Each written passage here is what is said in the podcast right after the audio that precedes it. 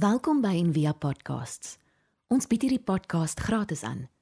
Om 'n bydrae te maak, besoek gerus ons webblad en via.org.za vir meer inligting. Ons gaan die volgende tyd gesels oor drome en ek wil dit sommer noem droom weer. Soos die disippels, hulle moes weer droom. Dit wat hulle gedink het van die koninkryk, dit was dit nie. En dit wat hulle gedink het van Jesus, hy was net soveel meer. En die mooi van die opstanding is dan kry hulle nuwe drome.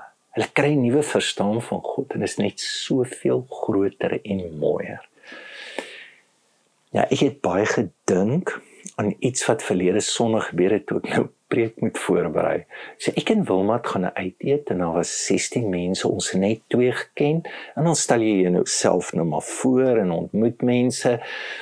En Wilma kom by 'n kappeltjie, ek was nie by haar nie, hulle is so 30. En die ouetjie vra vir haar, "So wat doen julle?"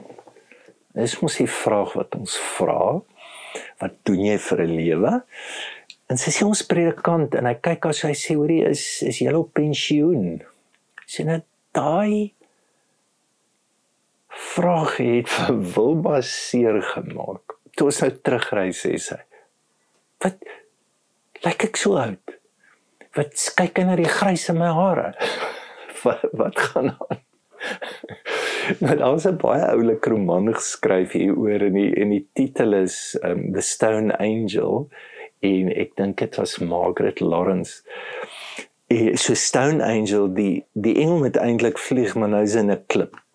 Baie is Michelangelo se uitbeeldings van die fases van ontwikkeling wat wat hy gedoen het. So in die storieetjie gaan nou oor Hagar hierdie girl en iemand sê vir haar, jy weet maak 'n aanmerking oor haar plooie en sy ou tannie en, en sy verloor dit. Sy word bitter, sy is ontnigter. Sy sy sy storm kleedkamer toe en sy kyk in die spieël en sy besef maar niks meer in hierdie gesig wys iets van die onskuldige kind wat sy nog steeds dink sy is nie. Wat het gebeur? wat het sy verloor? Wat sy verloor het, so ongelooflike gawe, sy gawe van van jonk wees, van onskuld, van vuur. So daar was iemand ehm um, Gottfried Hellwein, ek dink hy's 'n Oostenryker en hy doen hierdie, hy's amper obsessief oor hierdie ding wat hy wys hoe ons die kind in ons doodmaak, die onskuld in ons vernietig en hoe samelewings dit doen. En dat ons 'n ongelooflike prys betaal om dit te verloor. So nou vandag is ons by die storie van Dawid en Saul. Nou Dawid, wie sê hy? Hy is hierdie onskuldige, ongelooflike ligte, speelse maar tog 'n verskriklike ferm en 'n diep diep mens. Hy wie wie vat 'n reus aan met 'n ketty of 'n slingervel? Hy doen dis wat 'n tiener doen. Wie dans vir die aard dat jou vrou absoluut haar kop in skaamte laat sak is iemand wat ongelooflik lig is. En aan die ander kant Saul, hy was ook so.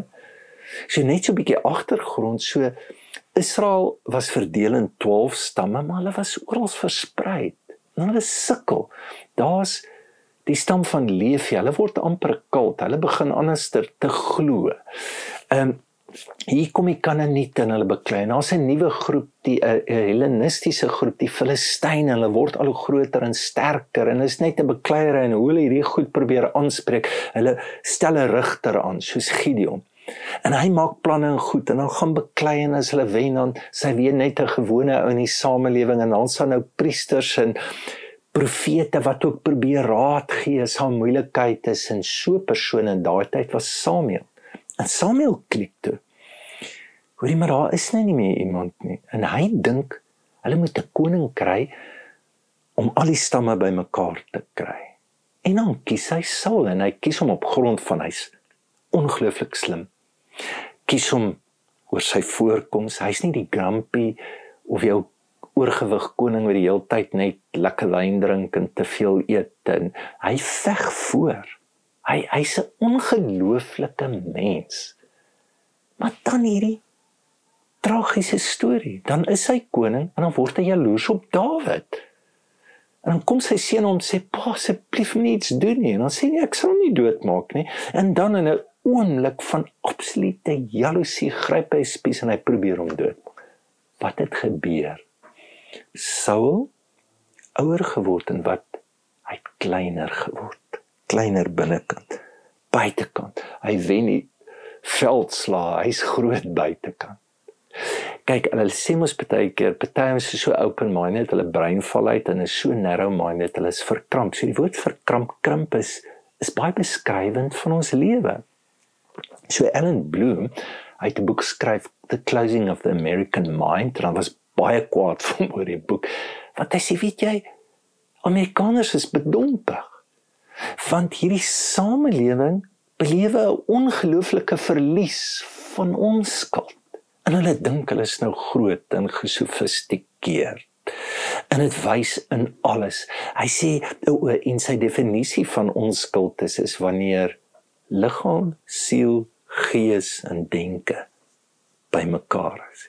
En jy kan seker nou dink wat ek nou wil sê. Soos ons ouer word, wat doen ons? 'n Dogtertjie maak nie so, seentjie maak nie so nie. Die samelewing, jy kan nie dit en ons is besig om te ontrafel. Ons kan nie uitdrukking gee aan wie ons werklik is nie. Hy sê, hy die mooi woord hulle ontgom. En die gawe wat hulle dra, wat's die gawe? Wat sê gawe van vuur? Man, dis idees. Dis hoop. Dis energie dis deerlik dis waagmoed dit is hy sê daai erotiese vlam van vuur. Jy word eroties verlam. Vuur is uit jou uit.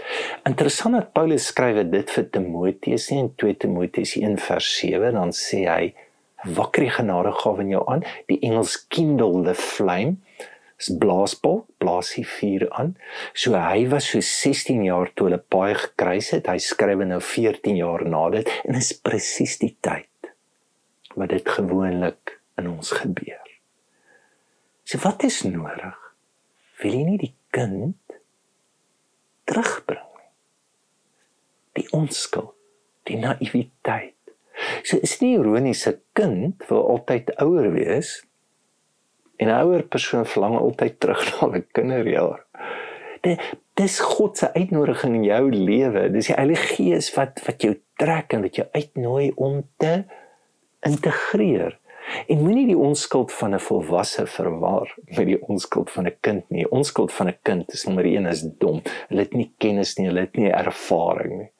Maar vat daai kennis en daai ervaring en sit dit binne 'n volwassene in onskuld dan kry jy ongelooflike drome. En dis wat Jesus sê. Jy moet soos 'n kind word om die koninkryk in te gaan. Nie 'n hemelteks erns hier in Jesus se woorde van die koninkryk van God is in julle. So dan is die vraag, wat keer Wat se deure is daar? Wat maak toe dat jy kan ingaan om net die grootheid te sien? Wat wat keer? Een woordjie. Saul se lewe jaloesie. Hy het baie gesigte. Een van die doodsondes, eerste moord in die Bybel. Wat is dit? Dis net 'n gevoel van dis nie ek nie of ek word bedreig. Ek ek die Engelse woord insecure. Jy is net iets wat jy voel. So die Latyn is twee woorde, voel zealous. Jy kom met jealousy, zealous kom af van. So dis dis 'n tipe ywer, nê? Nee? Dit is 'n tipe vuur wat jy waag kry wat jy gesteel het. Want as jy nie het nie, dan vat jy van ander. As jy nie jou eie stem het nie, as jy nie autoriteit het nie, dan steel jy dit by ander en daai ywer, daai autoriteit, weet jy, dis die ding wat jou doodmaak. Is nie ironies die beeld van Saul nie. Hy is koning. Hy hy wys die sterkte, maar hy het geen geen koningskap binne hom. Hy het geen stem, hy het geen autoriteit binne in hom nie. Hy het dit lankal weggegee en verloor. Die ding wat jy vat, die ding wat jou doodmaak. So hy gooi 'n spies, hoe gaan hy dood? Deur 'n spies. Hy val in sy eie swaard. Is donker. Is baie van ons drome word verpletter want ek sien heeltyd besig om my op te weeg en ek is nie dit nie en ek is nie dit nie en ek het so ver weggegroei van daai spek aan my wat dis die gedeelte wat droom in jou. En jy gaan baie speel sê wat in jou lewe opkom, wat jy jouself gaan sien. En dan gaan baie keer boodskappe vir jou, maar is jy regtig dit? Jy is nie dit nie. Net soos wat Wilma ervaar het. En dan kan jy een van twee dinge doen of jy kan 'n spies optel. Sy kon redes gee oor hoe jonk daai kappel is en is nog naïef en ons was ook so wat ook al. Of ja, ons gesprek in die motor wat wil maar ons word uit. Dit dit kan ook die gawe wees om weer nie te dink oor jou lewe om 'n droom van God te kry soos die disippels dit word net dieper, dit word sagter, dit word meer akkommoderend. Dit dit dit raak jou lewe net op 'n nuwe manier en dit in die pakkie waarna dit kom is die van 'n kind. 'n Kind wat lewe bring, 'n kind wat hoop bring. En die woord in die Bybel vir dit is wat ons moet terugkry is eerste liefde. So Openbaring 4 vers 4 sê die Here, maar dit het ek teen jou jy my my nie liefses in die begin nie. Ons almal ken dit. Ons almal weet wat is eerste liefde. En baie keer dit begin so in godsdienst ook. Ons het tot bekering gekom, ons word so ontnigter, dit gaan dood of goed, maar daar is 'n tweede naïwiteit wat regtig goed is. En daar is 'n tweede liefde en jy moet eintlik eers die eerste laat gaan om net te voel hoe die Here jou daar vashou. Mag jy voel die Here dit vir jou doen. En as daar spieëls opkom, mag jy bewus word van die spiese wat jy optel ek doen dit. Mag jy eerder die gawe kry van nuwe drome, nuwe maniere van dinge doen wat God in jou lewe na vore kom. Mag hy blaasbalk blaas in jou. Kom ons bid saam.